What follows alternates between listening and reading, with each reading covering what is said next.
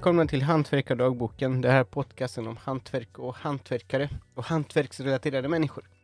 Mitt namn är Sebastian Matteo, jag är möbelsnickare och mitt arbete kan ni hitta på Instagram bland annat, som heter, eh, under ett konto som heter ekorremöbler. Och podcasten hittar ni även på Spotify där ni förmodligen lyssnar. Ni får jättegärna följa där och ni får jättegärna betygsätta podcasten. Det är jätteroligt om ni gör det. Eh, sen tänkte jag också, ni kan ju följa podcasten under namnet Hantverkardagboken på Instagram. Där ni kommer alltid se att det händer olika saker. Eh, vilket avsnitt är det som kommer och ni kan tycka om varje avsnitt och sådär. Och nu är det lite, jag håller på att eh, låta ut en bok eh, av Emma Dahlqvist. Så var med på det. Det kan jag verkligen rekommendera för det är en jätte, jättefin bok. Jag vill passa på att eh, tacka Ulf K Nordenssons stiftelse för Hantverk i trä som gjorde det möjligt att få starta den här podcasten. Det är viktigt det här med att söka stipendier och sådär. Det har vi pratat om tidigare i det här, i det här podcasten. Eh, och jag ville berätta så här. Eh, allt, alla gäster som jag haft hittills har ju någon relation till trä. Där är min komfortzon på något sätt. Eh, idag har jag vågat mig lite, eller ganska mycket utanför det kan man säga, men fortfarande hantverkare emellan. Eh, och jag vill välkomna eh, Amanda Nilsson. Hur är läget? Tack så jättemycket. Hur det är bra tack. Hur är det själv? Det är bra. Det är bra. Roligt att du, att du vill vara med. Och Jätteroligt att... att jag får vara med för du har en fantastiskt bra podd. tack, tack. Och idag kommer vi prata om, om din, hand, eh, din handbok. Ja. Nej, inte handbok. Dagbok. jag bara hänger med. Jag bara, ja.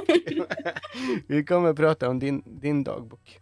Och du, jag, kanske vi, det kanske är bra att, att säga det här på en gång, för vi har pratat eh, någon gång tidigare. Eh, pratat om olika saker och kanske lite frågor. Nu berättar vi vad som händer bakom kulisserna för podcasten. Men eh, jag sa, du är dekormålare. Du är inte dekormålare. Du är dekorationsmålare. Nej. Exakt. Kan du berätta redan där, vad är det för skillnad? Eh, skillnaden i stort sett är väl att dekormålare riktar in sig på teater och eh, kulisserna till teatrar. Eh, Medan jag som dekorationsmålare jobbar mer i offentliga miljöer som trapphus, eh, eh, ja, offentliga miljöer, alltså privatbostäder och eh, storbyggen och allting som målas i princip. Mm. Vi kommer att prata lite mer om i detalj hur du gör, hur du utför ditt arbete. Men jag tänkte, du har ett konto nästan enbart för ditt arbete va? Ja, vad heter, exakt. Vad heter du där? Där heter jag Dekorativa Amanda. Där jag eh, lägger ut, det är också lite som en dagbok kan man mm. säga. När jag gör lite projekt som jag tycker är mm. intressanta som jag vill dela med eh, de som följer mig. Och först och främst så skapade jag kontot för att där jag kommer ifrån i Kristianstad nere i Skåne var det inte många som visste vad dekorationsmålare var. Mm. Så först och främst skapade jag det för att de skulle få följa med i min vardag och under mm. min utbildning till dekorationsmålare. Så, eh, men nu har det blivit en hobby och lägga ut bilder. Ja men det är jättebra. Du har en jättefin, jättefint konto, det måste jag säga. Jag kommer länka till ditt konto så ni som lyssnar på det här avsnittet, ni kan, ni kan klicka i, i i texten som finns i, i, i förklaring av det här avsnittet på Spotify. Klickar ni ner där så kommer ni hitta eh, Amandas eh, Instagramkonto, så klickar ni vidare så kan ni titta på vad hon har gjort medan ni, ni lyssnar på det här avsnittet. Det, kan, det kan man väl säga. Men vi kanske ska börja där, för du, du, du publicerar eh, på Instagram din vardag. Hur ser din ja. dag ut? Min dag eh, arbetsmässigt kan se väldigt olika ut. Mm. Det, det beror på helt vilken typ av miljö jag är i. Om jag är i en offentlig miljö, om jag är i en privat miljö hemma hos en kund. Ehm, och dels om jag har ett stort projekt jag arbetar med eller om jag har små projekt som jag delar upp min dag på. Ehm, men eh, framförallt så, eh, eller oftast är jag stationerad på ett och samma projekt. Och eh, då är det ju beroende på vad för eh, vad för måleri jag ska utföra som, som blir hur dagen ser ut. Så mm. att den kan se väldigt olika ut, eh, helt enkelt. Du, du, är från Skåne men du bor i Stockholm? Precis, mm. precis. Mm. Hur länge sedan var det du flyttade till Stockholm? Det var två och ett halvt år sedan nu. Okej. Okay. Okay. Ja. Men jag, tänkte... Men jag har dialekten kvar i alla fall. ja, det är bra. det är bra, det tycker man om. jag tänkte, när... Du, vi har ju pratat om det här och du är 23 år bara. Ja, exakt. Och det, det måste jag säga att, det har vi sagt flera gånger tidigare i den här podcasten, är att hantverket på något sätt kommer mitt i livet och man kanske gör något, någonting annat först och sen så bestämmer man sig för att satsa på att kanske göra någonting med händerna och sådär och så vidare. Men du är bara 23 och vi kommer prata om, det, om din dagbok, om din resa. Men den har varit lång. För det, jag blev lite, lite förvånad, verkligen, när vi pratade. Men du gick redan på gymnasiet, började du plugga eh, till, till målare. Absolut, precis. Men hur gick det till? Vad var det som klickade och tänkte så här, ja men jag ska bli målare? Det var faktiskt eh, en sommar, två veckor innan jag skulle börja på gymnasiet, som jag först hade tänkt att jag skulle börja på förskoleprogrammet, att jag skulle bli förskollärare. För att jag tänkte, där får man ju pyssla och hålla på, för jag är en väldigt kreativ person. Men så skulle huset målats om hemma, där mina föräldrar bor. Ehm, och jag och min kompis står och målar huset. Och hon tänker, men gud vad detta är tråkigt. Så tänkte jag rent tvärtom, tänkte, åh, detta är det bästa jag kan tänka mig att göra just nu. Då så skrek jag till mamma att jag ska bli målare. Och då sprang jag in till datan, skickade in en ansökan till Vendelsgymnasiet i Kristianstad eh, till målarutbildningen och eh, kom in. Så mm. två veckor senare kom jag in på eh, byggprogrammet.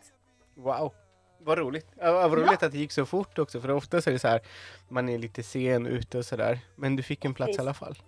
Ja, det fick jag. Det var ju väldigt impulsivt av mig, men eh, det kändes rätt eftersom jag väldigt länge har haft en pensel i handen. Så det kändes väldigt naturligt att jag skulle väl välja detta spåret på en utbildning.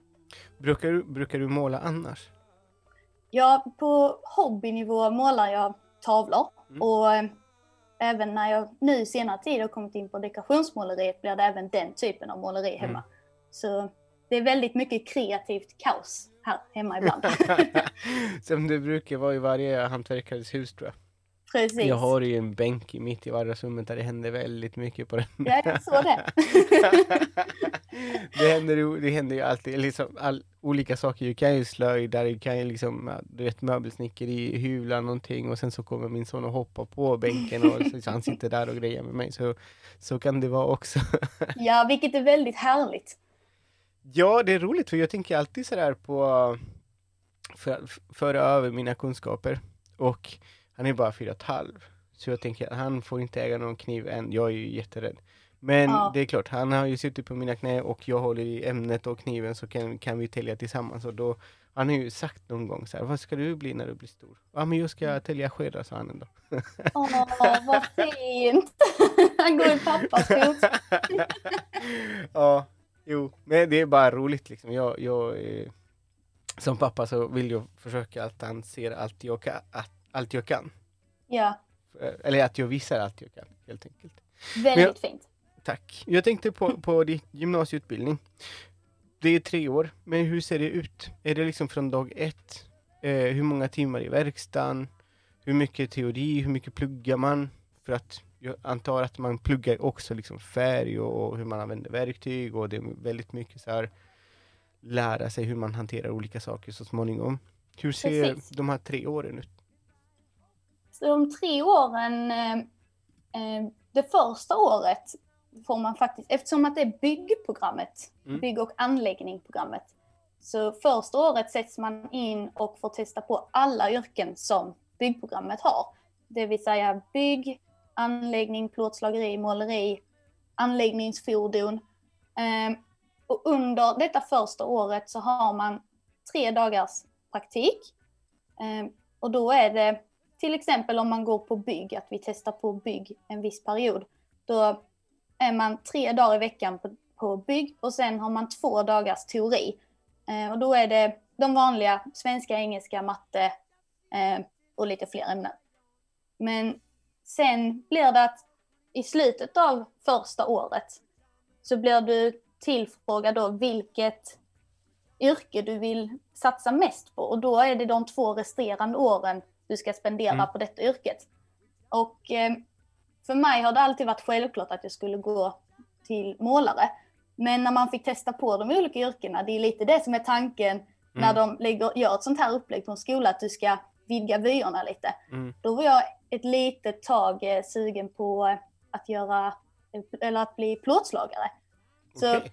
man fick testa på allt där. Så till exempel gjorde jag en ventilationstrumma medan alla eh, ville slänga deras ventilationstrummor. Nej, då mm. tog jag hem den, så den står hemma på vinden hemma hos mamma och pappa, en liten gammal ventilationstrumma. men, men det var som sagt självklart att jag skulle gå måleri, så att det var ingen tvekan, så jag sökte in till måleri direkt. Okej. Okay. Ja. Hur gammal, nu måste, nu måste du påminna mig, hur gammal är man när man börjar ettan på gymnasiet? 15, 16? Ja, 15, 16, ja precis. För att um... jag, jag, folk ser inte dig, men jag ser Nej. dig och jag ser hur du lyser när du pratar om, om den tiden och liksom hur du göra saker. Men jag tänker på, det är inte så vanligt att eh, se ungdomar brinna så, så, så tidigt för, för ett hantverk. Men var det så verkligen så att du målade huset och bara så här, du bestämde dig? Nu ska jag bli målare. Ja, det var faktiskt så enkelt för mig. Eh, men också som sagt att jag alltid hållit på med konst och färg. Mm. Eh, det var därför, men om, som sagt om vi inte hade målat huset så hade det kanske inte blivit som det blev. Mm, eh, exakt. Så att ja, det var väldigt självklart och när det, när det väl kom på plats så kände, för att jag har alltid varit lite tveksam på, ska jag verkligen bli förskollärare? Det var ändå någonting som jag inte kunde sätta på plats som jag ville göra. Men så fort jag fick penseln i handen så kände jag att jo, det är detta jag ska göra. vad roligt, vad roligt. Men redan från tvåan då och trean, hur många timmar är det i verkstaden? Eller, liksom, eller vad, vad, ska man säga, verkstaden eller öva på, på, på, att måla till exempel. Och hur många timmar är det liksom i ett klassrum där du pluggar om huvudämnen? Precis. Um, jag kan inte säga exakt uh, timmar, det minns jag inte riktigt hur mycket det var. Men det enda jag vet är att alla timmar vi jobbade i verkstaden och vi gick i skolan, de timmarna fick vi tillgodose när vi var färdiga med utbildningen. Men som sagt, vi hade tre dagars eh, praktik mm. eller att vi var prakt antingen praktik där vi hade fått en lärlingsplats ut, ute mm. på en arbetsplats. Eller praktik som inne i skolan, vilket innebar att man fick ett eget rum med snickerier, eh, skåp, eh, väggar, tak, dörrar, där vi tränade på metoderna först innan mm. vi blev placerade på en arbetsplats. Eh, och jag kan inte svara exakt hur många timmar vi var i verkstaden, men jag vet att vi var där tre dagar i alla fall. Mm. Men hur, hur blev du liksom, om du tänker efter nu, nu är du liksom en professionell målare. Om du tänker tillbaka på den tiden, tillbaka till skolan. Hur, hur tänker du liksom, hur var metodiken, hur du lärde dig? Vad, tänker du att det var rätt eller är det någonting som du ändå saknas från den tiden? Eller, så här, eller tänker du, fan vad jag lärde mig på, redan på gymnasiet? Ja, precis. Alltså, ska jag vara ärlig så tycker jag att den utbildningen är fantastiskt bra. Vi hade otroligt bra lärare som verkligen var engagerade i yrket. Som även de hade varit målare i stora delar av sitt liv. Mm.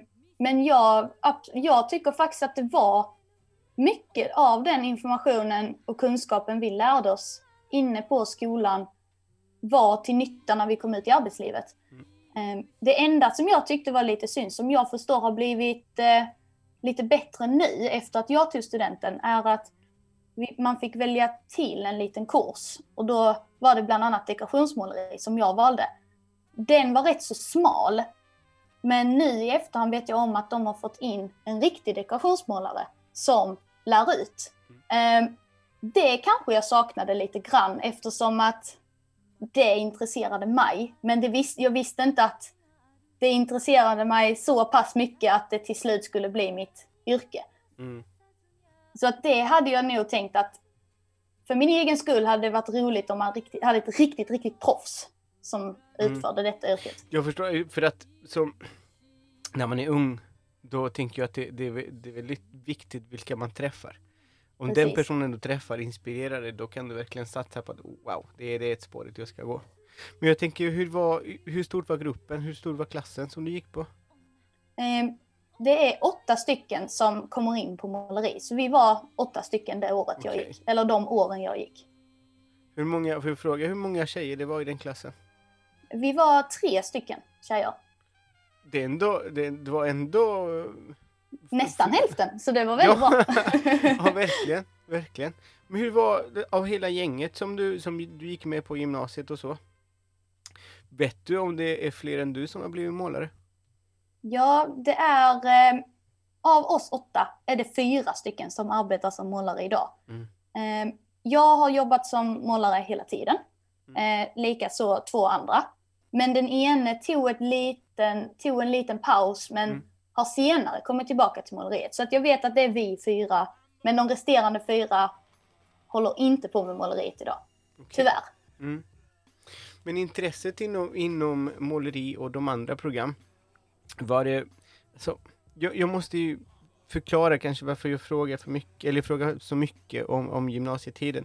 Det är för att, för, av två anledningar egentligen, för att det ena är att så mycket, så mycket som man har hört att man vill ta bort slöjden från grundskolan, så är det många hantverksgymnasier som, som lä läggs ner, mm. helt enkelt. Och det är för att det är för, för, för få sökande till program eller för att kvaliteten i programmen räcker inte för att alla, eller liksom folk kanske går om en kurs eller hoppar av, inte vet jag. Och det händer kanske ganska mycket på hantverksutbildningar. Eh, men alla, hela gänget som du gick med, eh, alla gick klar gymnasiet och, och sådär? Ja, precis, det gjorde mm. de. För att eh, det... och jag... Ja. Nej, förlåt. Nej, säg du. Säg du. Eh, jag tänker på det som du sa med att man vill ta väck slöjden. Mm. Eh, nu tänker jag specie speciellt i träslöjd som man hade då när man gick i mm. högstadiet.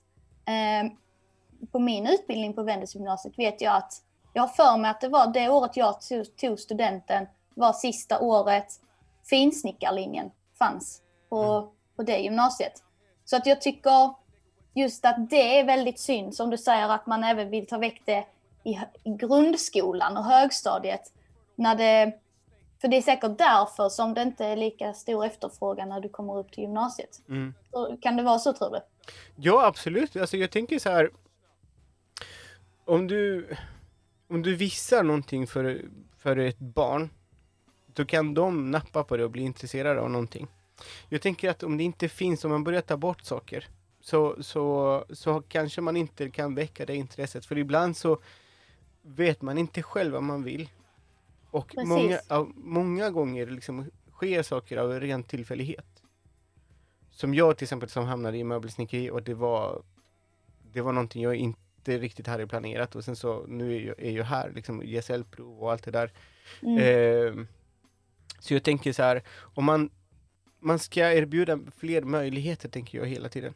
Man ska inte bara begränsa saker för det man kanske vill rikta in det, men man kanske ska ta bort lite hantverk från gymnasiet och lite slöjd från grundskolan för att kanske inrikta oss på något annat. Och det, det tycker jag är dåligt, riktigt dåligt. Mm, jag Men, håller med dig. Jag tänker också på att jag gick ju på ett hantverksgymnasium som inte längre finns. Men, och det, och det är en grej som jag, som jag tar ansvar nu för det jag säger. Ja. Men det är, också, det är också en grej som jag har hört av många. Och det är klart, det är superfint att kunna gå en finsnickeriprogram.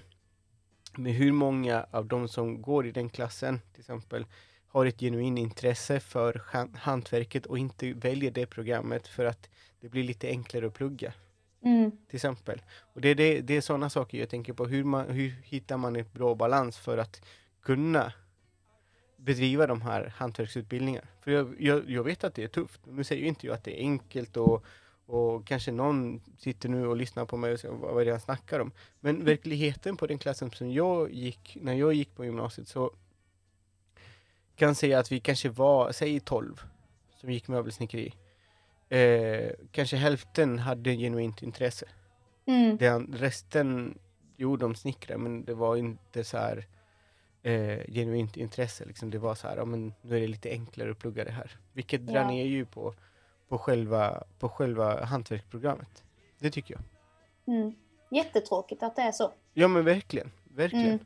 Men du säger liksom att hälften av klassen blev ju, eller jobbar inom måleri. Det är, Ja. ju, det är ju intressant och det är jättefint att det är så. Mm. För att du, du nämnde ju också att du hade jätte, jättebra lärare. Absolut. Jag tänker på gymnasietiden också. Eh, var ni mycket på praktik? Eller var, övade ni mycket i verkstaden bara? Nu ska vi se om jag minns rätt. Jag har för mig att första halvåret av årskurs två var vi på, på skolan och eh, lärde oss själva yrket. Eh, och eh, verktyg, färg, tekniker. Sen den andra perioden av eh, år två så blev vi utplacerade på en lärlingsplats. Och antingen så hittade man en lärlingsplats själv, eller Mm. praktikplats, eller så hjälpte skolan till. Okej. Och eh, där hade jag en väldig fördel, för att min granne var målare. Så jag sprang bara över häcken en dag och frågade om han ville ha en praktikant. Och då Ja, sa han, bra. absolut, vi kan ta in dig. Men hur var det där till exempel att gå från gymnasiet? För att jag tänker så här, i många, i många yrken, det är väldigt eh, hierarkiskt, själva ordningen och så. Fick du måla eller fick du springa bara på olika saker? Faktiskt så kom jag till en fantastiskt bra firma och Mm. fantastiskt bra handledare. Så eh, jag blev inte så mycket, inom citationstecken, springpojke eller springflicka. Utan de satt, jag vet att mitt första projekt jag blev utsatt på var att jag skulle sätta upp eh, mikrolit, en, en slät eh, en, en, en slät tapet typ. Mm. Eh, för han frågade mig då, min handledare, så sa han, har du, har du satt mikrolit? Ja, sa jag. Vad bra, då kan du gå in i det rummet och sätta mikrolit och måla väggen rosa. Okej, eh, då var man ju lagom svettig kan jag säga. Det tog rätt så lång tid, men, men bara där visade jag att liksom, de ville ju lite sätta mig på prov. Se, Mm. vad kan hon? Hur engagerad är hon? Hur Mm. planerar hon? Eh, och att det var ju faktiskt väldigt bra, för att då fick de ju se direkt hur jag tänkte och Mm. vad jag kunde. Ja men det är bra. Alltså, jag, jag ställer den här frågan också för jag tänker ju hela tiden parallellt med andra utbildningar och sådär. Och jag kanske har berättat om en utbildning eh, inom möbelsnickeri som, som finns i Chile, som nu har ändrats väldigt mycket. Men den här utbildningen, till exempel de, när de skickar sina, sina eh, studenter på, på praktik, det enda de fick göra på en praktik som var väldigt korta också, det var bara så här två veckor eller så. Mm. Det enda de gjorde var att städa och kasta sopor. Ja, Och det så- är inte rätt. Det är Nej, därför så- du sen- kommer ut på exakt. praktik. Exakt, och sen så fick de typ i princip bara instagramma eller leka med sin telefon. Mm. Eh, men det var väldigt sällan där de verkligen litade på studenterna vad de kunde eller att de testade i princip. Så att de kunde också såga och snickra och sådär som man ska göra. Men samtidigt är så här, den praktikplatsen eh, fick ju bidrag från staten och också genom den skolan. Men de såg inte till att de lärde ut. För att det, det är viktigt, det är viktigt liksom vart man hamnar. Och jag tänker alltid på så här, då, de yngre generationer. Det, det, det är vi som är lite äldre som kanske kan bestämma olika saker. Som kan hur kan jag säga det här, men som, som kan påverka deras framtid jättemycket. Sen, tänk att du hade hamnat på en, en jättedålig praktikplats. Ja, Så det kanske- hade lika gärna kunnat vara så. Exakt. Och då tänker jag så här, du var helt tvärtom och nu har du liksom pluggat mycket och du är jätteduktig. Men jag tänker på, jag tänker också nu efter gymnasiet, vad gjorde du? Då jobbade jag direkt. Det var faktiskt så här att redan i eh, sista terminen på trean, då eh, fick jag frågan om jag... Eh, jag låg så bra till i skolan i de teoretiska ämnena. Så jag, då fick jag frågan av min arbetsledare på praktikplatsen om eh, jag ville jobba en extra dag i veckan. Så då gick jag faktiskt ut och jobbade fyra dagar i veckan medan eh, de andra var inne tre. Eh, och därefter, då när jag började jobba fyra dagar i veckan, eller praktisera, då eh, skrev jag faktiskt på anställningspapper från eh, den eh, första vardagen efter studenten skulle jag påbörja, påbörja eh, på min eh, nuvarande, eller på min eh, dåvarande arbetsplats. Så det var bara pang på, student på fredagen och på måndagen var det 100% tjänst som målare. Wow. Wow. Men fick du gå med någon i början eller liksom var det liksom ta, ta ansvar redan från början? Eh, man har ju alltid ett eh, eget ansvar såklart, men som, eh, då gick jag som lärling och då får man inte eh, vara själv enligt, ja, jag, man ska inte vara själv för att du är ju mm. fortfarande, ja du är utbildad, du kan grunderna, men du kan inte släppas själv på mm. projekt riktigt än.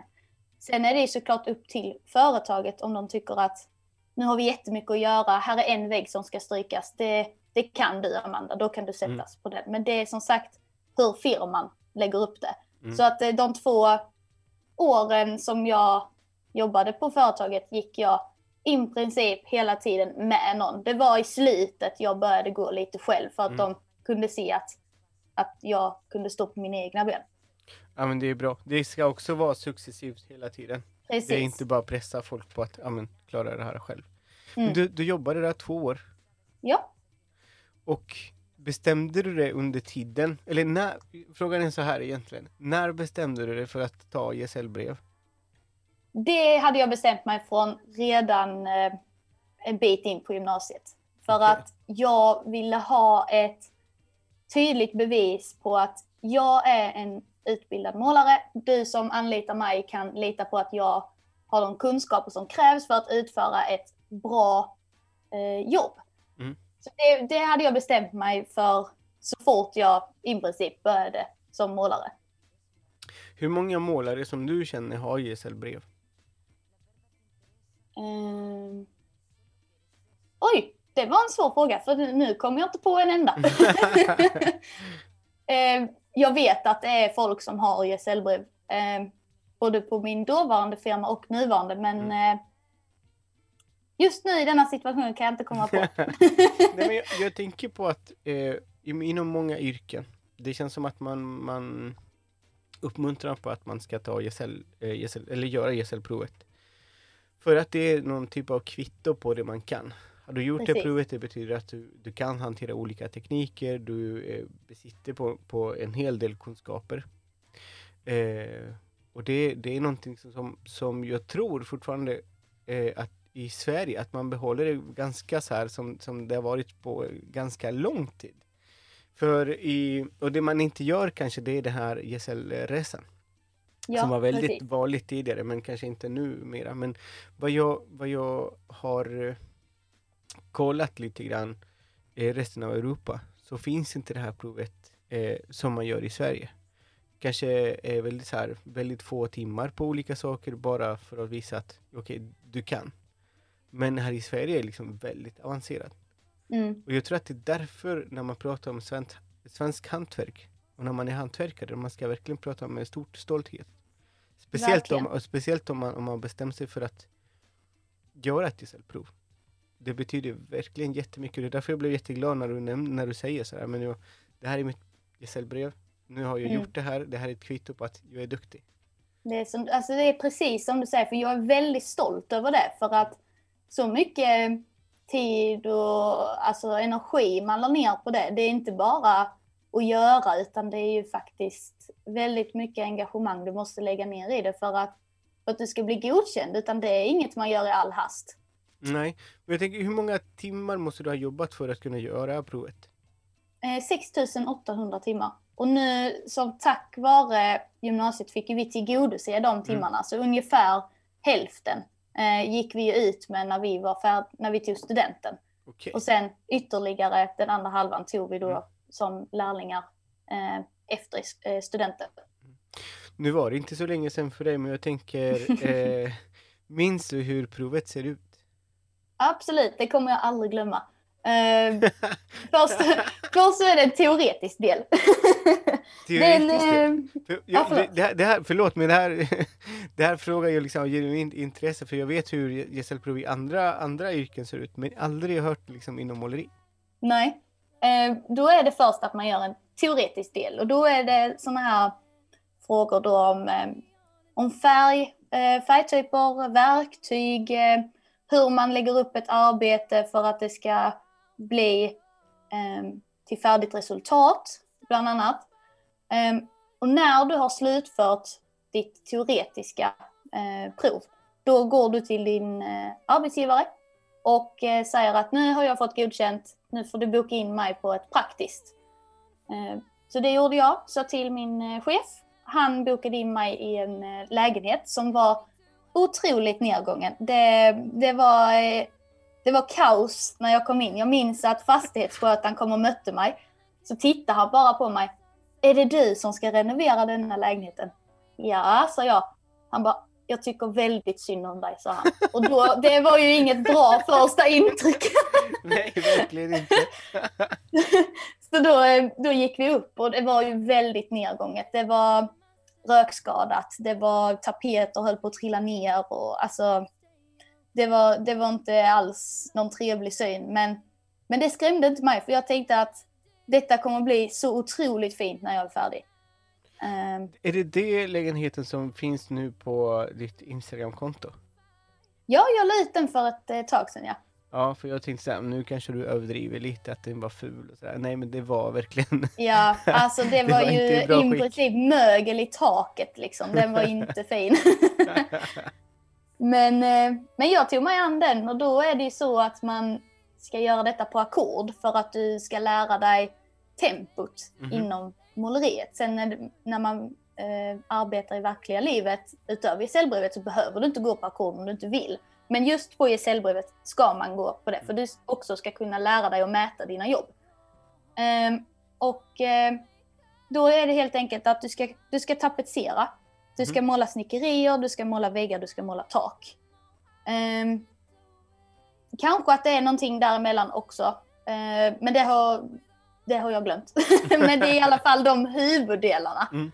Ehm, så jag satte upp, eh, ja man gör allt förarbete, spacklar och så här. Sen satte jag upp min eh, tapet. Ju svårare mönsterpassning eller ju svårare tapet, desto mm. högre betyg kan du få. Mm. Så jag tog den svåraste jag kunde hitta.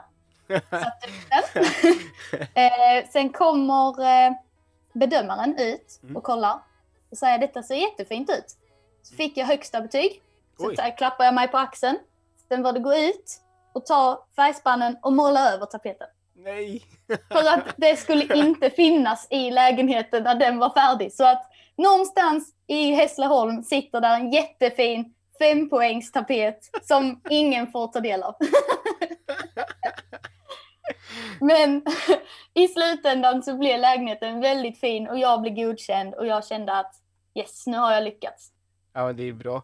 Men eh, får jag fråga, för jag vet inte riktigt som, som sagt så mycket om själva provet inom måleri.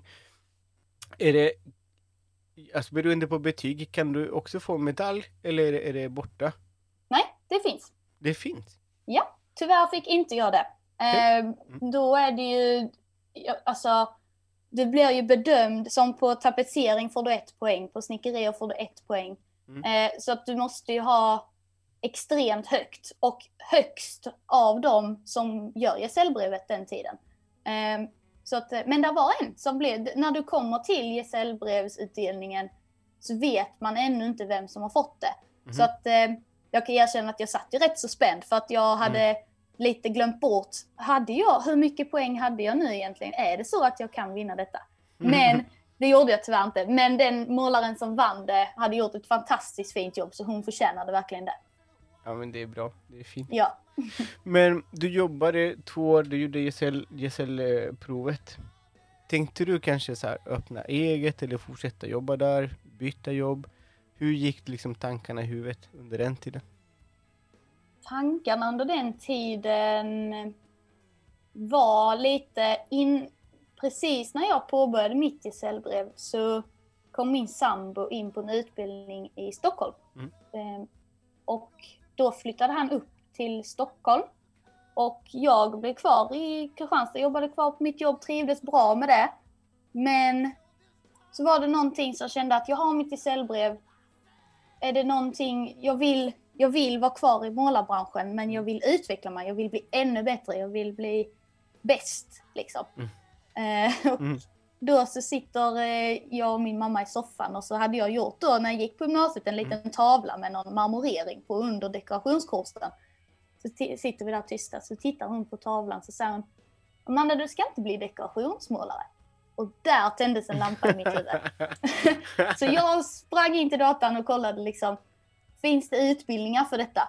Och det fanns det, mm. just i Stockholm. Och då tänkte jag att det passar jättebra. Jag är ung, jätteroligt att bo i huvudstaden tillsammans med min sambo och ha mm. vårt liv här uppe och bli rikare med kunskap. Mm. Så eh, jag, eh, ja, precis. jag tänkte fråga dig, innan jag frågade vad du gick för utbildning här i Stockholm. Jag mm. tänkte, kan vem som helst bli målare? Ja, det kan man ju faktiskt säga. Eh, mm. Du kan ju gå den här vägen jag har gått genom gymnasiet. Men du kan ju också gå som traditionell lärling. Mm. Eh, och då börjar du helt enkelt på noll och går under en handledare där du sen börjar räkna dina timmar. Mm. Så att då får man i princip gå fyra år innan du kan kalla dig som färdig målare och ta ditt gesällbrev. Så det är klart att alla kan bli målare om man har ambitionen till att bli det. Men det, kanske inte alla passar, kanske inte alla som målare. Så Nej, är det kanske. Det är klart, det är klart. För jag, jag tänkte på och nu låter det kanske som en försäljare som vill bara sälja någonting och en idé. Nu, nu ska jag kanske sälja en idé, men det här är faktiskt sant. För det vad blir det? Eh, mindre än en vecka sedan så målade vi eh, sonens eh, rum. Och så var det så här. Vi hade köpt så här billiga kit med roller och sådär och färg kanske som inte var, kostade så mycket heller. Men det var rätt färg, rätt nyans som vi ville ha och sådär. Och så börjar man måla och så rollar man ganska mycket och sådär och så liksom när, man, när det hade torkat lite så såg vi liksom att det fanns detaljer i princip överallt. Att det var liksom någonstans hade jag inte tag, hade tagit någon färg, det var prickar. Mm. Du, måla blå på vita väggar, då var liksom de här vita prickarna var i, överallt. Och när jag och sen så hade vi tejpat överallt också för att inte liksom fläckar på Precis. taket och på golvet och sådär. Eh, ja, så gjorde vi så gott vi kunde. Men under, do, under den tiden så tänkte jag så här, för att den, den här rollen, den, den luddade liksom, ludd hamnade på väggarna. Så vi fick liksom ja. ta bort det hela tiden och så tänkte jag, kände mig så himla snål. och bara, varför köpte jag ingenting bättre? Men jag kunde ingenting bättre heller liksom. Det var, det var så här, okej okay, men det här räcker nog. Men sen så tänkte jag bara, så här, undra vad, vad professionella, för då hade vi redan haft kontakt lite grann och sådär. Jag mm. hade idén att vi kunde spela in det här, det här avsnittet och tänkte jag, undra vad hon använder för verktyg. Som skiljer sig väldigt mycket till det jag, till, till det jag köper. Mm. Eh, och så tänkte jag på till exempel, nu flummar jag till det lite, men tänkte så på fotboll, för till exempel, eh, säg landslagströjan. Kostar typ, går in på affär så kostar det typ 800-900 kronor. Och det är fortfarande en tröja som inte är den, den som spelarna använder när de spelar. Det är liksom eh, lägre kvalitet kan man säga. Så man kommer aldrig kunna använda så här proffsgrejer om man säger så. Så jag tänkte så här. Vad använder du för verktyg när du målar? Och vad är det som kanske är den största skillnaden mellan den glada målare, eller hemmamålare och eh, ett proffs? Ja, om, om man frågar mig så tycker jag att det spelar egentligen ingen roll vad för färg du köper. Mm eh, om man köper i en eh, proffsbutik, en, färg, en riktig proffsbutik som säljer färg, eh, eller om du köper en eh, färgburk på en billig byggvaruhandel. Mm. Eh, det är klart att det är skillnad på färg och färg såklart. Men som en, eh, som du sa, en hobbymålare eller mm. Så här, då tycker jag att då är det bättre att lägga lite kanske billigare färg, bara du får den kulören du vill ha. Mm. Eh, och lägga lite mer pengar på verktygen. Så att du inte behöver stå där och rycka ditt hår av att rollen luddar på väggen. Liksom.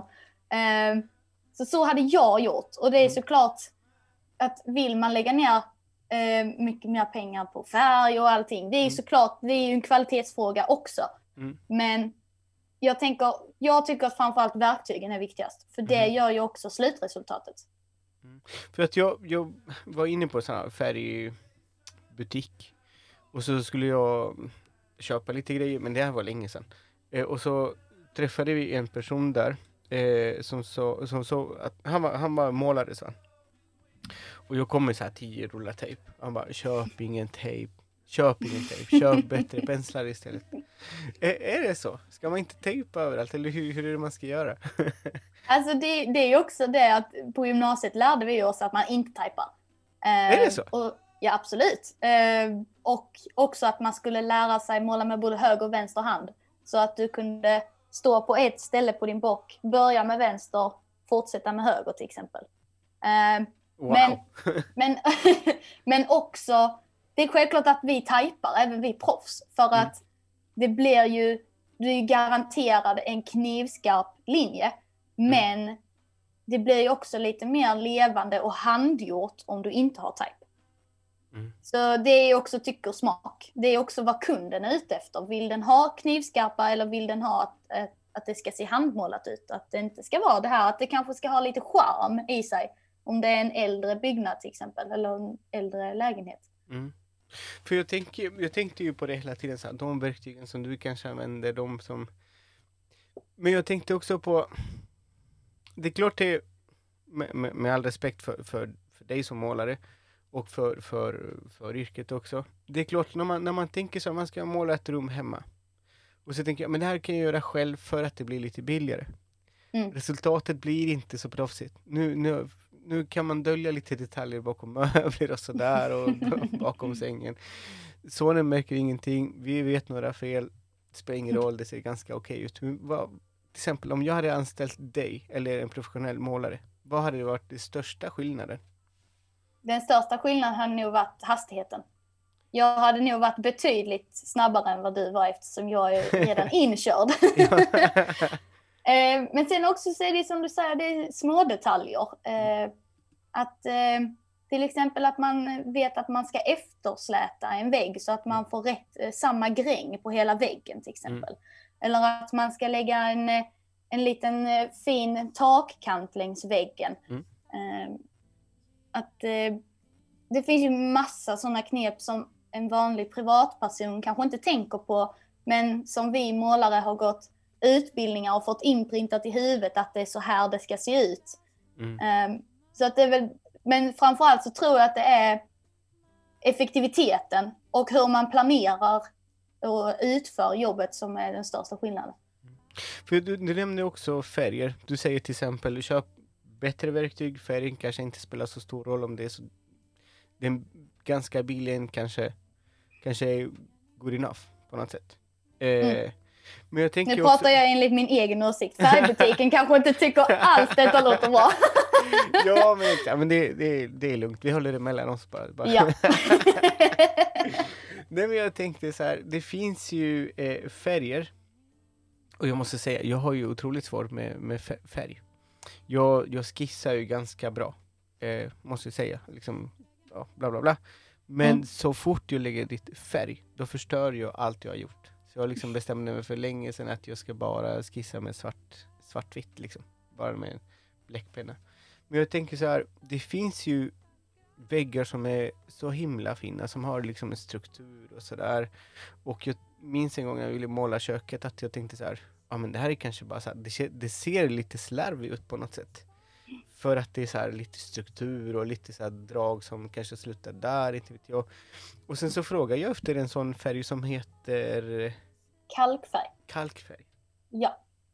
Och så frågade jag efter den där färgen och eh, när jag skulle köpa det så frågade hon mig, jag tror att det var en tjej som tog den beställningen, hon bara Är du målare? Nej. Är du erfaren, liksom, kan du måla? Jag, Nej, inte riktigt. Vadå då? Nej men den här färgen måste du kunna. Har du, har du målat med den färgen någon gång? Och är det så som hon sa till mig? Att man måste kunna hantera liksom, tekniken för att få till det som man vill? Precis. Jag, jag har faktiskt inte målat med färgen själv, men jag vet hur, jag har gjort på en liten provskiva och så här, så att jag vet ju hur färgen fungerar. eller produkten fungerar och att absolut att det är kanske är enklare om du har mer kunskap bakom produkten och eh, målaryrket. Men jag tycker framförallt att även fast man inte är målare så ska man ändå kunna testa. Bara det att du kanske testar på en liten yta först och tänker att detta funkar inte för mig. Då testar jag på detta viset istället och provar sig fram. För att det är ju också så man lär sig.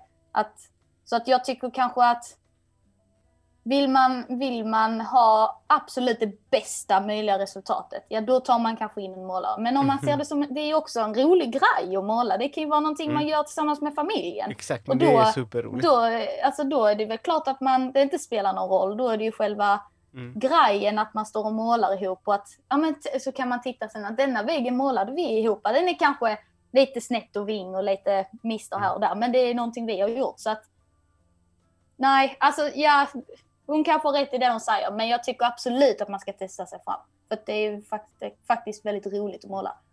Det är roligt att du säger det, liksom. proffset ändå rekommenderar att det är bara att köra. Ja. det är bara att köra. du, nu tänkte jag eh, hälsa på våra sponsorer. Först vill jag tacka Sjöbergs. Sjöbergs arbetsbänkar för hantverk och skapande som i år fyller 100 år. Från hjärtat av Småland, svensk hantverk, av hantverkare för hantverkare.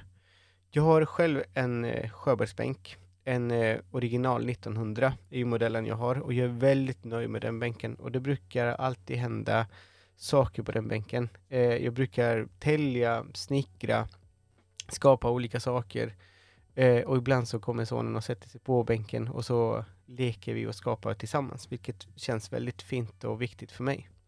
Kolla på Sjöbergs hemsida www.sjöbergs.se där ni kan kolla hela sortimentet och de erbjudanden de har där. De har hyvelbänkar, arbetsbänkar för hantverk och skapande för träslöjd, textilslöjd, för hemmabyggaren också.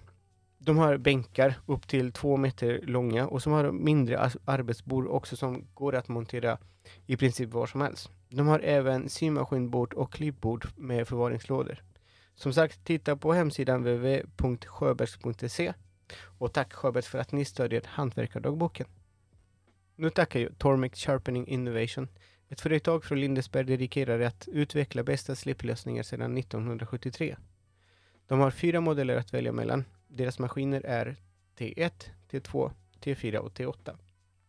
T1 och T2 är mer inriktade till restaurang för att kunna slippa knivar. T4 och T8 det är för att kunna slippa allt från borrar, hyvelstål, knivar också. Eh, allt inom slöjd och möbelsnickeri. De har jiggar till allt du kan tänka dig som gör det enklare för alla att kunna ta hand om sina verktyg och kunna hantera slipningen som inte alltid är så enkel att göra på fri hand. Vassa verktyg är hemligheten för bästa resultat. Tormek gör hantverket lite enklare och roligare. Tack Tormek för att ni stödjer Hantverkardagboken. Amanda, om vi börjar prata nu mycket mer om dekorationsmåleri. Ja. Jag har sett på ditt Instagramkonto du kan se, du kan, eller du kan få MDF att se ut som marmor och att det blänker på riktigt. Hur lång tid tar det att lära sig den tekniken? Det, jag brukar säga att man blir aldrig färdiglärd. Så att det finns ju alltid tekniker och kunskaper som du mm. kan lära dig mer av. Eh, men det tar ju tid. Det är inte så att man gör det på en, en kväll, liksom, utan det, det krävs tålamod och det krävs eh, mycket inlärning och att du vet hur produkter funkar för att du ska få det absolut bästa möjliga resultatet. Mm. För du, du hade, din sambo hade, hade flyttat till Stockholm och så, så tänkte du, ja men jag ska bli dekoration, dekorationsmålare. Och så hittade du den utbildningen ja. i Hantverksakademin. Precis. Eh, hur, hur gick det till? För du måste ju hitta först en praktikplats och sen söka.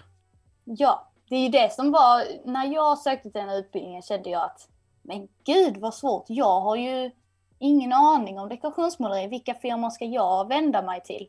Så att det blir ju att googla sig fram. Mm. Um, och jag gjorde faktiskt så att jag hörde av mig till rektorn på Hantverksakademin mm. och frågade var tidigare dekorationsmålare hade sökt sig till.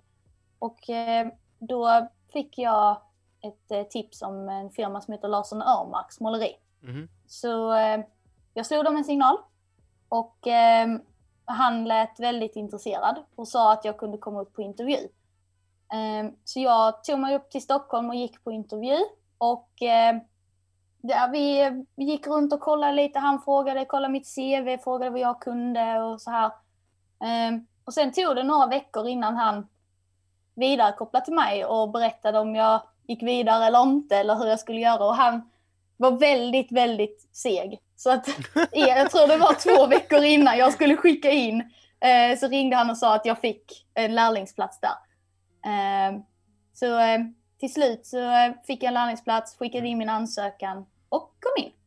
Ja vad roligt, för sen utbildningen är så här, man plugg, eller du är ute på praktikplatsen fyra dagar och sen är du liksom eh, teori är ju en dag i veckan. Precis. Men hur, hur var den, de två åren för dig? Jätteroliga. Mm. Otroligt roliga. Eh, nu tyvärr så var, var, hände ju detta, vi hann gå ett halvår, sen hände ju pandemin. Mm. Så jag fick tyvärr inte den eh, gemenskapen med mina klasskamrater som jag gärna ville ha när jag flyttade till en ny stad och så här. För att jag hade ju inte något eh, kompis, eh, alltså några kompisar här uppe direkt. Så att det var ju där jag tänkte att här kommer jag hitta mm. mina nya vänner. Så att det blir lite krångligt. Men själva utbildningen i sig tyckte jag var fantastiskt roligt. Och att jag hade kommit till en så bra lärlingsplats som var villig att lära mig och superbra handledare och andra dekorationsmålare som jag fick jobba med under dessa två åren. Mm. Så nej, väldigt, väldigt... Jag kommer, när jag tittar tillbaka detta efter, eller om några år så kommer jag bara se glädje. Mm. Ja men det är bra, då, kom, då går vi tillbaka till det vi sa tidigare. Liksom. Det, det, det beror alltid på vem man träffar som ja. gör din upplevelse på ett jättebra eller jättedåligt. Men nu har du haft tur att du hade jättefina lärare på gymnasiet och jättebra handledare. Precis. Ja, men det är jättebra. Men jag, jag, tänkte, jag tänker så här. Om man går in i en hiss och så tänker man så här, ja men det här är, det här är ek. Det kanske inte är ek. Det är du Precis. kanske som har varit där och skapat en bild så att det ser ut som ek. Ja. Hur mycket jobb, sånt jobb gör du? Mycket jobb. Mycket. Eh, när jag eh, innan jag påbörjade den här utbildningen till att bli dekorationsmålare så hade jag inte en tanke på att man kunde titta på en dörr och den inte var äkta trä utan att den var illusionsmålad till trä. Ehm, så att det fick jag ju reda på när jag kom ut till min praktikplats och vi åkte ut till projekt där min mm. handledare sa Ja, denna dörren ordrade jag för två år sedan. Och tittade jag bara, skojar du? Det, ser ju, det är ju trä liksom. Så att, trots att jag hade gått en liten kurs på gymnasiet så var jag långt ifrån att veta allting. Mm. Um, så det gör jag ju väldigt ofta nu. Uh, ådrar och marmorerar. Ådra är ju då att det ska likna trä och marmorera är att det ska mm. likna en sten. Um, men det är inte bara de grejerna vi gör. Vi gör ju så otroligt mycket mer. Det är ett väldigt brett yrke. Ja, verkligen. Men jag, men jag tänker också på att jag blir lite så nyfiken på att om du ska få en MDF-skiva och se ut som ek eller ask eller björk eller mahogny, det är olika träslag. Mm. Så du måste också lära dig hur de här träslagen ser ut för att kunna imitera det. Och det är samma sak med marmor. Det, viss, det finns vissa som är lite så här rosaaktiga, lite blåvitaktiga så här. Vad hade varit det svåraste hittills?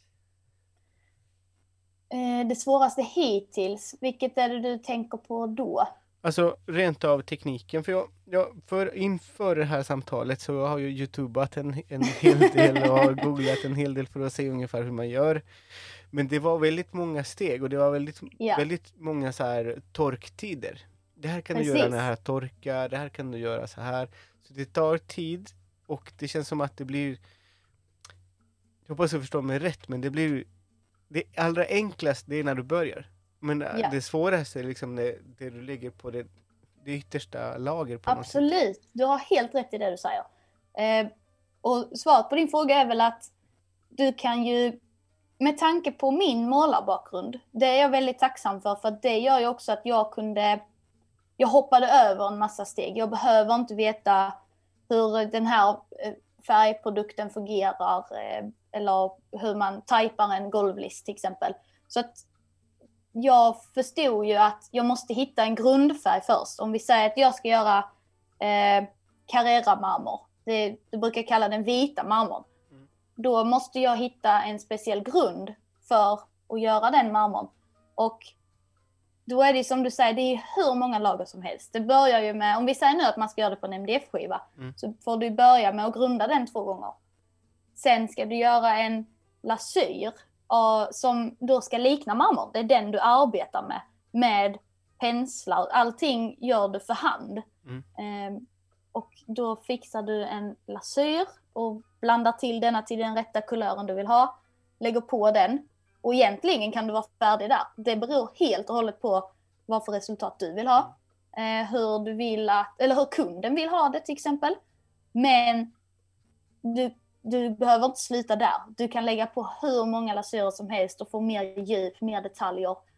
Och sen när du väl känner att nu är jag färdig, då lägger man det sista lagret som eh, då blir lack för att skydda ytan. Mm. Och lika väl där kan du lägga på hur många lager som helst som du vill. Det ska liksom, huvudsaken är att du och kunden ska bli nöjd. Ja men det, det låter ändå lite enkelt när du, när du berättar det.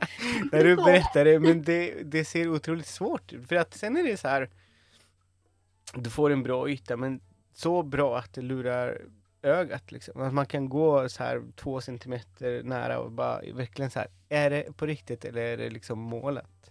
Precis, och du har rätt i det. Alltså det är otroligt svårt. Nu som du säger att det låter kanske enkelt när jag förklarar. Men även jag tycker att detta är jättesvårt. Men det är ju till för att lura ögat. Och jag vet att min handledare hade gjort en, eh, en fönsterbräda i kolmårdsmarmor. Mm. Sen eh, hade han kommit dagen efter. Då hade en, en stenslipare kommit och slipat på stenen för att han trodde att den var äkta. Då wow. har man ju gjort ett fantastiskt fint jobb. Så han fick ju påbörja en ny sten där helt enkelt.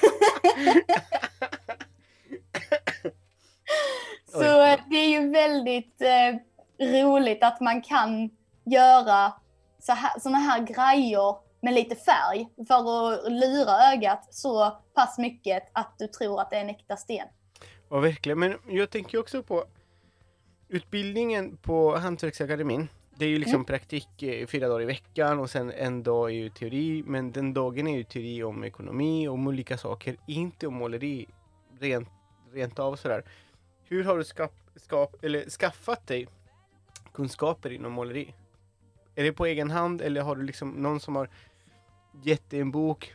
För att du, vi har inte hunnit prata om det i det här samtalet nu, men när vi pratade så, så pratade du också om att den här tekniken finns redan från, säg 1700-talet och framåt mm. och det har utvecklats. Vi pratade om kanske så här, idag har man kanske annat, eh, eh, vad säger man, medel för att kunna skapa de här för, innan Precis. var det så här med pilsner och med... Ja, och filmjölk och Exakt. allt möjligt vad man hade. Man tog ju vad man hade för att eh, mm. få fram resultatet, helt men, enkelt. Men hur, hur skaffar du kunskaper inom ditt yrke? Eh, mycket kunskap eh, är såklart att man har... Nu, nu är jag ju väldigt intresserad av, eh, av detta yrket så att jag eh, valde själv att ta eh, och beställa böcker och läsa böcker för att bli eh, för att få mer kunskap. Men framför allt så har ju min handledare eh, gett mig den mesta kunskapen. Det är ju den bästa tekniken du kan, eller det är ju den bästa, vad säger man, att han har ju allting han kan har mm. han ju lärt mig och försökt få över på mig. Likaså de andra dekorationsmålarna jag har mm. gått hos. Så att och jag är en väldigt frågvis människa. Förstår mm. inte jag någonting så frågar jag varför, hur och alla möjliga frågor för att jag vill få svar. Som jag sa innan, jag vill bli bäst på detta. Jag vill mm. liksom kunna allt. Um, så att jag har mest, såklart är det lite egen, egen, um, uh, vad säger man? Alltså jag har såklart läst på själv, mm. men mycket har jag lärt mig av mina kollegor och mm. min handledare. Ja men det är ju superviktigt men du pluggar ju också nu. Du jobbar mm. och så pluggar du lite på distans. Berättade ja. du för mig. Vad är ja. det du pluggar? Eh, det heter bild och arkitekturkonst från 16 till 1900-talet. Och det, man kan väl säga att det är eh, stilhistoria. För mm. jag vill lära mig. Det finns en specifikt en kollega jag tänker på på mitt jobb som kan komma in i en byggnad och säga ja ah, men detta är ju från eh, början på 1900-talet för att den här stuckaturen var vanlig då och dessa kulörerna det har jag alltid tyckt varit så otroligt fascinerande hur man mm. kan allt detta. Så att jag kände nu när jag tog min examen att det kan vara väldigt nyttigt för mig att veta att eh, allting, varför det ser ut på detta viset. Vad är det och vilket årtal det är ifrån. Så att nu läser jag en 7,5 eh, poängs kurs för att lära mig helt enkelt hur arkitekturen och konsten såg mm. ut förr i tiden. Ja men det är väldigt klokt av dig att göra så. För att, det, att kunna identifiera olika stilar och sådär och kunna datera dem. Så här vilket år det var eller vilket, lalala. Det är superviktigt. Mm, för att kunna lära verkligen. sig, för då, då vet man så här, men i min bransch till exempel inom möbelsnickeri, eller om man tänker så här möbelkonservering, möbelkonservatorer, de är ju jättevassa de kan ju liksom så här bara kolla på någonting och säga det är det här träslaget och på den tiden, för när de daterar ju liksom själva möbeln kan jag säga men det är det här limmet. Och mm. Det är mm. det vi kommer använda, det är sjukt. Så det är liksom, stillhistoria är ju, är ju superviktigt. Ja, att man, inte, att man inte bara gör någonting för att man har lärt sig på ett visst sätt utan man gör någonting för att någon annan 300 år innan dig har gjort på ett visst sätt också. Det, det, för mig i alla fall, är ju superviktigt verkligen. Jag tänkte också, Amanda, på att du du är superpepp på, på, på måleri. Det är liksom, du lyssnar när du pratar om vad du, vad du gillar och vad du kan och sådär. Men du har gett dig in på ett yrke, en bransch som är mansdominerad. Ja. Har det varit lika roligt som du har berättat hittills, liksom all utbildningar och jobb och sådär? Har det, har det känts för dig? för mig har det ändå känts väldigt bra, lyckligtvis. Mm. Eh, men det är tufft att vara tjej i en mansdominerad mm. bransch. Det säger ju lite sig själv. Det är alltid så att vi tjejer måste alltid jobba lite extra. Visa lite hårdare att vi faktiskt kan. Be vi måste bevisa oss själva konstant mm. att vi kan vara i denna branschen, att vi klarar av den. Eh, så att absolut, för mig har det mestadels varit roligt. Men det har också varit eh, stunder då jag tänkt att varför, varför man gör detta egentligen för att, att folk inte tänker sig för när de pratar mm. eller uttrycker sig. Um, just för att jag är född som kvinna. Och att mm. det, det är jättejobbigt ibland, men mestadels för mig har det varit bra. Faktiskt, och det är mm. jag väldigt glad för. Ja men det, det är roligt att, att, att höra liksom att det, att, inte, att det inte är på ett annat sätt. Men jag tänkte så här, när, första avsnittet av det här, första säsongen, det allra första avsnitt som jag spelade in med Pernilla Blixt. Hon, är, hon har ju gesäll, hon har ju mästarbrev, hon, hon har ju egen verkstad i Göteborg.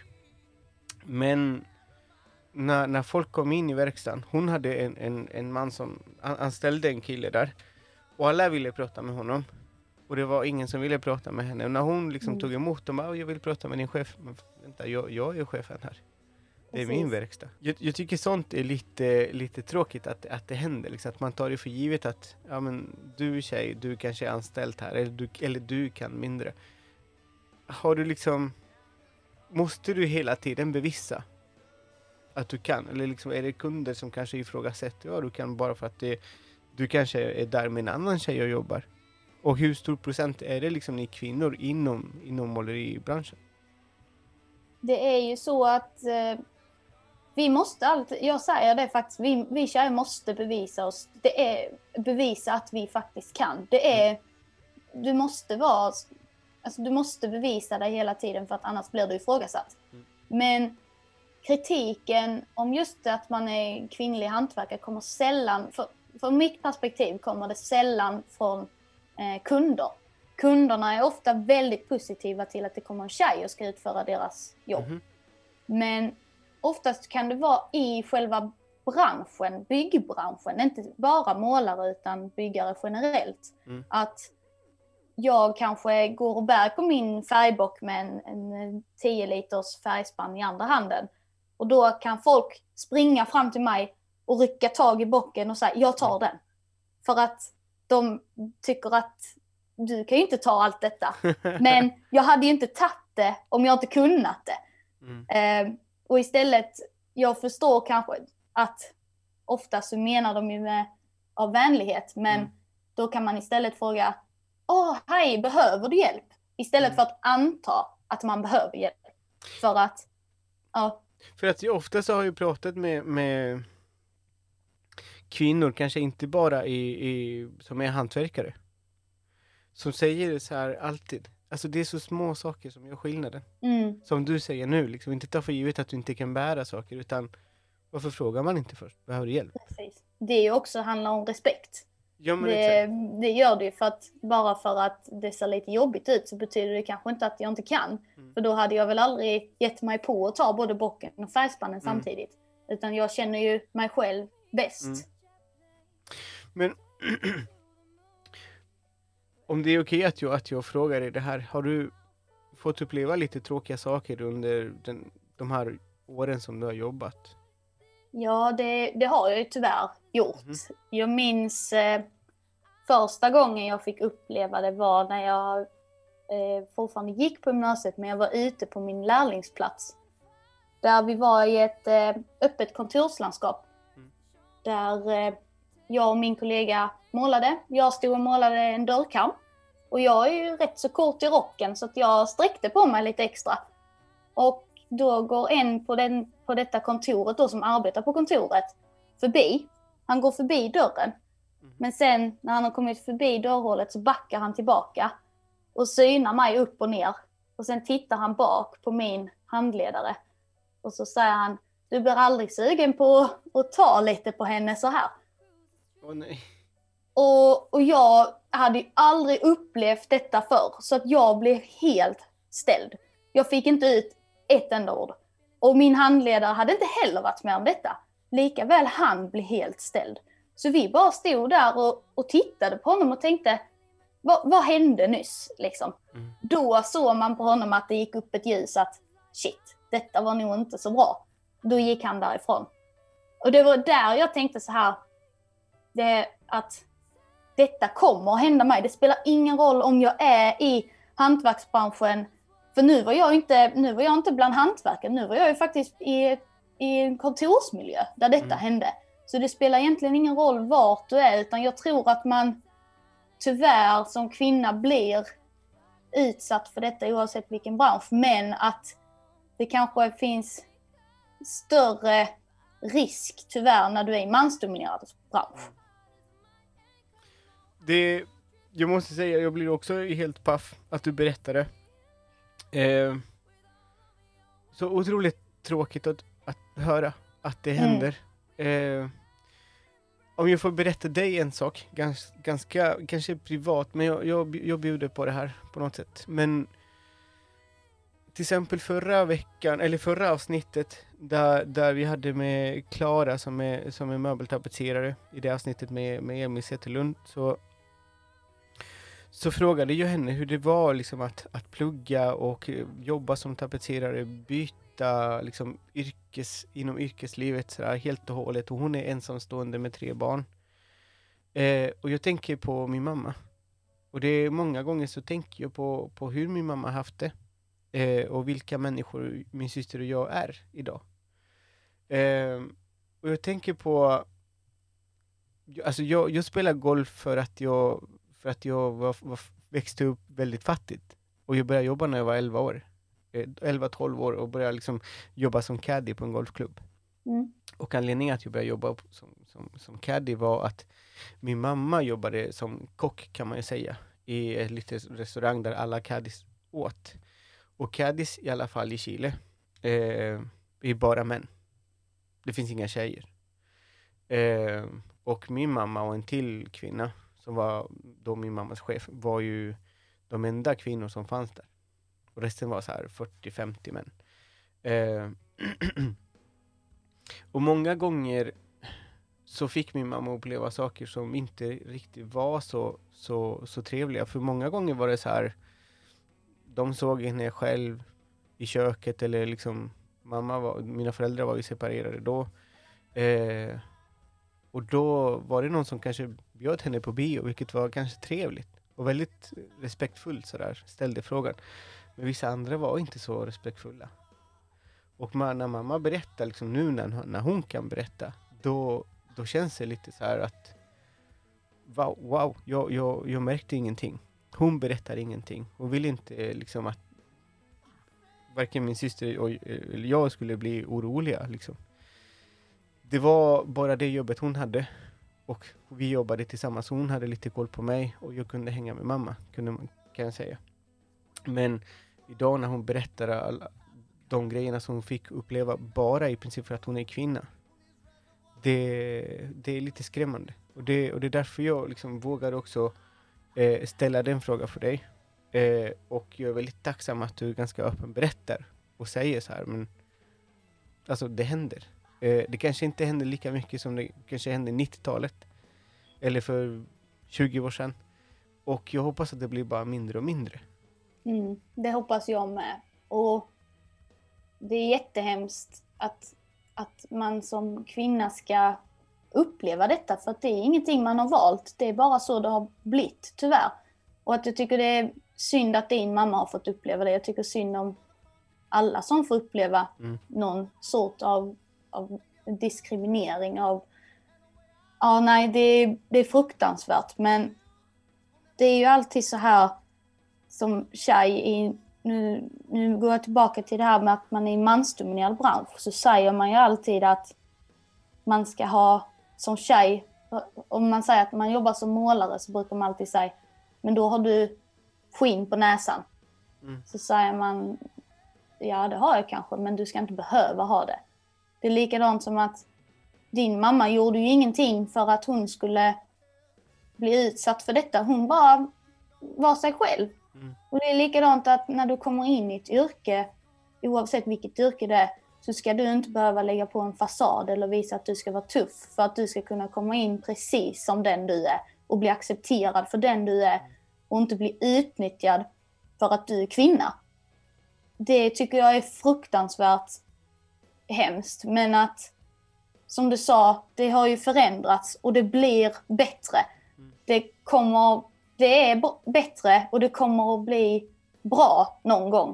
Eh, vilket jag ser fram emot och att jag hoppas att det sker snart. Men det, tyvärr har man ju fått uppleva saker och att men, detta men, var säkert inte min sista gång, tyvärr. Jag hoppas att det var din sista gång. Det eh, hoppas jag med.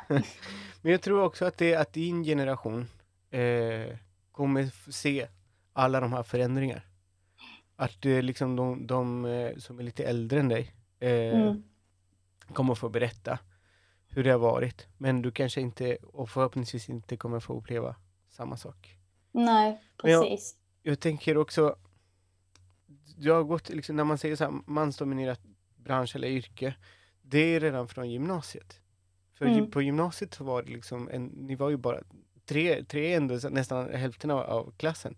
Mm. Men hur var killarna där då? Eller hur upplevde ni tjejer liksom hela, hela de tre, eller två år liksom inom måleri på gymnasiet? Mm. Var, var det no, några, några konstigheter?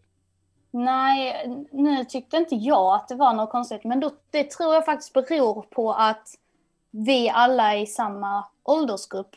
Att vi är uppvuxna i den här tiden att man respekterar alla, oavsett vad man har för bakgrund eller mm. oavsett hur man ser ut.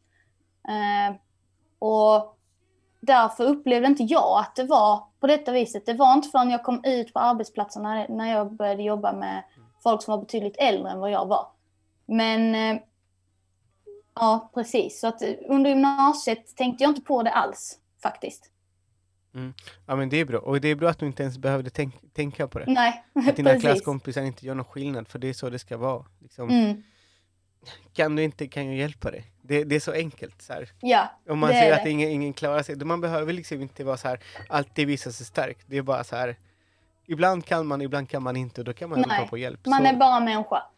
Ja, exakt. Och, precis, och det är det jag tänker med nu låter det kanske hemskt att man berättar att det är så här, men som sagt det är inte bara i byggbranschen detta händer utan det är ju överallt. Men just i byggbranschen eller måleribranschen har vi ett, ett, eh, en del i vårt fackförbund mm. som är, heter Mira och är, som riktar in sig på kvinnor. Som finns som stöd för oss kvinnor eftersom att vi är i en mansdominerad bransch. Vilket är fantastiskt bra. Men på ett sätt så är det synd att detta ska behövas. Men det är väldigt bra att det finns och att eh, jag själv har eh, vänt mig till dem många mm. gånger och är väldigt tacksam för att det finns och att man kan få det stödet som man kanske inte kan få hos män. Mm. Men det, det, det, det, där visste jag ingenting om. Jag tror inte det finns inom, inom möbelsnickaryrket. Eh, och det, är väl en väldigt bra grej att ha, tänker mm. jag. Och det var ro, eller tänker så vad bra att det finns det stödet för Det är jättebra alla. att det finns. Men det är synd att det måste finnas, för då är det ju ändå mm. någonting som är fel. Mm. Men att... Men jag, om, jag, ja. om jag får säga så här, det är också en egen åsikt det här. Mm. Men jag tänker, eh, alltid när, när det är liksom bara killar, eller nej, jag vill börja, jag vill börja så här. det jag vill säga egentligen är att jag tycker personligen att ni tjejer, ni gör, ni gör så otroligt bra för yrket. För alla yrken tror jag, för ni jag tycker ni är otroligt vassa och förmodligen kanske vassare än killar, vad killarna är. Jag vet inte varför, vad, vad det beror på. Men i alla fall det jag såg på, på, på Malmsens när jag gick i skolan. Det var att tjejerna var mycket vassare. Mm. Och de tänkte på andra detaljer som jag inte tänkte på. Och jag kanske har sagt det här någon gång, men jag tar det ganska kort. Men när jag gick med, med Anna Fransén som gick i min klass, otroligt duktig möbelsnickare. Jag gick på möbelmässan och så kollade jag på typ alla möbler och sådär. Så tog det mig kanske så här, säg en timme och gå runt och bara, ah, men det här är typ det jag redan sett. Och när jag var på väg ut så kommer Anna och säger, ja men jag har precis kommit, kan inte du bara följa med? Hänga med, häng med typ en halv. Jag bara, okej okay, men då gör jag det. Och så stannar jag med henne typ tre, fyra timmar till. Och hon bara så här, ser du det där? Ser du det här? Hon såg massa andra detaljer som jag inte såg. Mm. Hon bara så, såg allt med andra ögon och jag tänkte så här, yes, vad roligt att jag gick med en tjej liksom, och, och Anna liksom var jätteduktig och pekade på allt sådär. Lärde mig jättemycket av henne. Men jag tänker så här, när, alltid när, när det är killar, och om jag får dra en parallell med fotboll till exempel. Det blir alltid en, den yngre eller den som kommer in i laget sist, som blir bollkalle på något sätt. Den som inte får bestämma, alltså att, att det alltid ska finnas någon, någon hierarki i allt det här. Att eh, de äldre får bestämma vilken musik man ska lyssna på i, i omklädningsrummet och vem som hämtar bollar och sådär. Men jag upplever, för att jag har sett en dokumentär om det här, och jag upplever också om att, och det, det berättar de i dokumentären också, att det var, och nu, däremot går det till ett tjejlag. Den som kommer in, antingen så är det en ny i laget eller är det en som kommer från, från eh, de yngre lagen i, i ett stor, större lag. Eh, att det bara så här, välkommen! Vad roligt, vad behöver du för att få dig liksom att känna dig som hemma? Fan vad annorlunda liksom. Varför ska mm. det vara det här att man alltid ska kämpa sig fram istället för att nu, nu visar vi dig liksom ett stöd. Nu ska du också Precis. vara med en i laget och, och kämpa som, som alla andra. Mm. Det, det är det jag tänker liksom att det, att det borde hända lite, lite oftare och, och överallt. Ja, verkligen. Och att det är konstigt att det är på det viset, men eh, jag hoppas att det ändrar sig eh, och att det kommer att bli mer jämställt. Nu tänker jag också att så här att killar kanske kan bli mer, nu tänker jag också i fotboll, att de kan bli lite här med, mer välkomnande än att mm. man ska, bara ska anta eftersom att du kom sist, inte du är lika bra som mm. oss. Det, det, hoppas jag att det blir ändring på. Ja, men det, kom, det kommer ändra sig, jag är stensäker på. Och nu berättar, jag ska berätta en sista grej, det här kanske bara en, en... Jag skrattar åt det här nu, men det, det är kanske ändå hemskt. Men det här att man har fördomar för olika saker, det, det, det är roligt. För att jag, till exempel, du kommer in och ska måla, till exempel, du ska göra ditt jobb och någon kan kanske ifrågasätta, så här, oj, nu kommer en tjej, kan, kommer hon klara av det här? Bara för att man har fördomar. I det, den skolan som jag gick på och som jag jobbade på sen i sex år, det hände inte mig en gång, det hände mig två gånger. Och, ja, två gånger är jag ganska säker på. Att det kom in folk och skulle fråga saker och jag ganska väl gick fram och frågade, behöver ni hjälp? Eh, för att kortfatta hela grejen så eh, de tog för givet att jag var städaren i hela skolan. Alltså det är helt bara, sjukt. Jag bara, eh, nej, vad va, va då, då? Nej men jag... Och, så, och när man frågar sig, nej, jag är inte städare, jag är anställd här på skolan. Jaha, eh, nej men jag tänkte, vad... Eh. Ja, då fick de skämmas hoppas jag. ja, det tror jag. Det tror jag. Men Ja. eh, så, sånt som jag idag skrattar åt och, och jag är ganska hårdhudat nu, men Mm. eh, och, och kan verkligen skratta åt det där. Men det, är- det är inte så roligt heller när man verkligen så tänker efter. Nej, när man väl står i det i efterhand, det brukar det oftast bli lite roligare. Men ja, men det, det roliga är att jag idag kan skratta, kan skratta åt det Precis. helt enkelt. Men du, Amanda, eh, du fick en liten hemlä- hemläxa. ja, Har du något att rekommendera? absolut, det har jag. Och eh, nu tänker jag generellt på... Eh, eh, du sa ju att man kunde rekommendera utställningar till exempel. Absolut. Och eh, jag vill rekommendera eh, Nationalmuseum här Mm. i Stockholm. För att, dels för att det är ett otroligt eh, vackert museum, Mm. men att där finns otroligt mycket dekorationsmåleri. Där är portar som man kan tro är ek, som är dekorationsmålade, som är ådrade. Mycket takmålningar, marmorpelare. Det är väldigt mycket dekorationsmåleri. Sen såklart kan man ju titta på tavlorna och det som finns här med. Men det tycker jag i ett dekorationsperspektiv är det fantastiska dekorationer som jag faktiskt stolt kan säga att eh, min firma har varit med och fixat. De har varit eh, väldigt duktiga och gjort allt dekorationsmåleri där inne. Eller det Wow. mesta dekorationsmåleriet. Eh, sen hade jag, jag tänkte vara lite egoistisk och rekommendera min Instagram. gör det, gör det, absolut. Eh, och sen eh, finns det ju Antikmässan som också finns här i Stockholm. Eh, där eh, bland annat min firma brukar stå. Där vi visar lite hur man dekorationsmålar. Mhm. Och eh, där finns även andra hantverksyrken som finsnickare, möbelsnickare. Eh, så det är väl de tre grejerna jag tänker att jag rekommenderar. Ja men tack för det var jättebra rekommendation. Och jag tänkte också på Nationalmuseet, det är att för två, tre avsnitt eh, tidigare så pratade jag med Sa- eh, Sara Lindqvist. Mm. Och de bänkarna som finns i Nationalmuseet, det är hon som har eh, tapetserat med allt arbete i lädret och sådär. Ah! Det, är- det är roligt. Så det finns nu, det finns eh, dekorationsmåleri som man ska titta på och bänkar. Och dessutom Gud kan man, dessutom kan man titta på alla, alla tavlor och allt sånt där som finns i Nationalmuseet. Precis.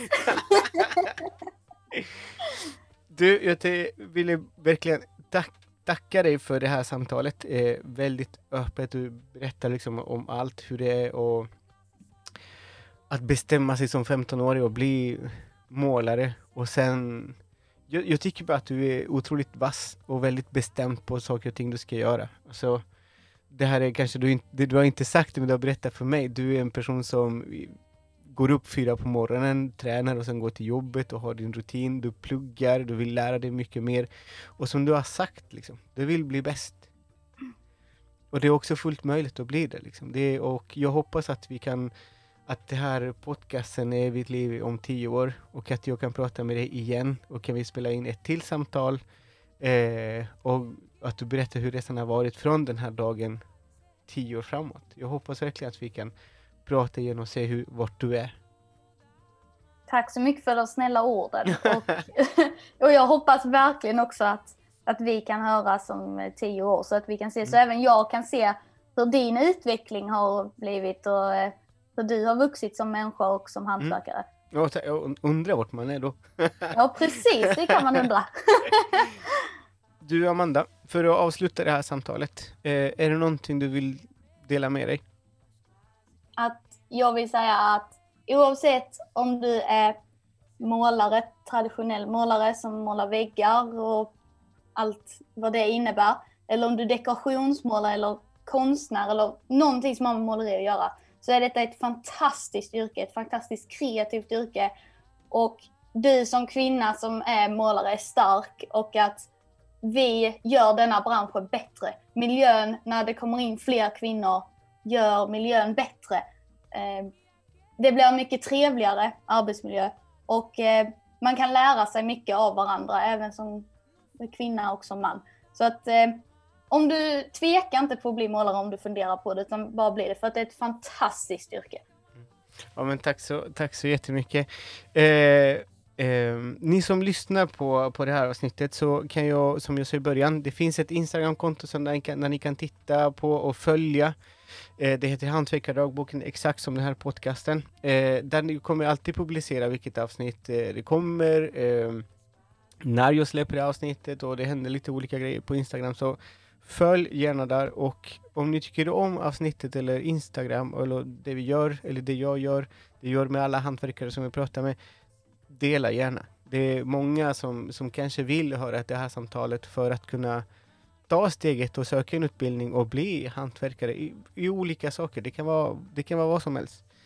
Eh, sen finns det också, man kan också följa på Spotify, eh, Hantverkardagboken, och där kan ni också eh, betygsätta på den. Så jag hoppas att ni tyckte om det här avsnittet. Amanda, ännu en gång, tack så jättemycket så hörs vi vidare.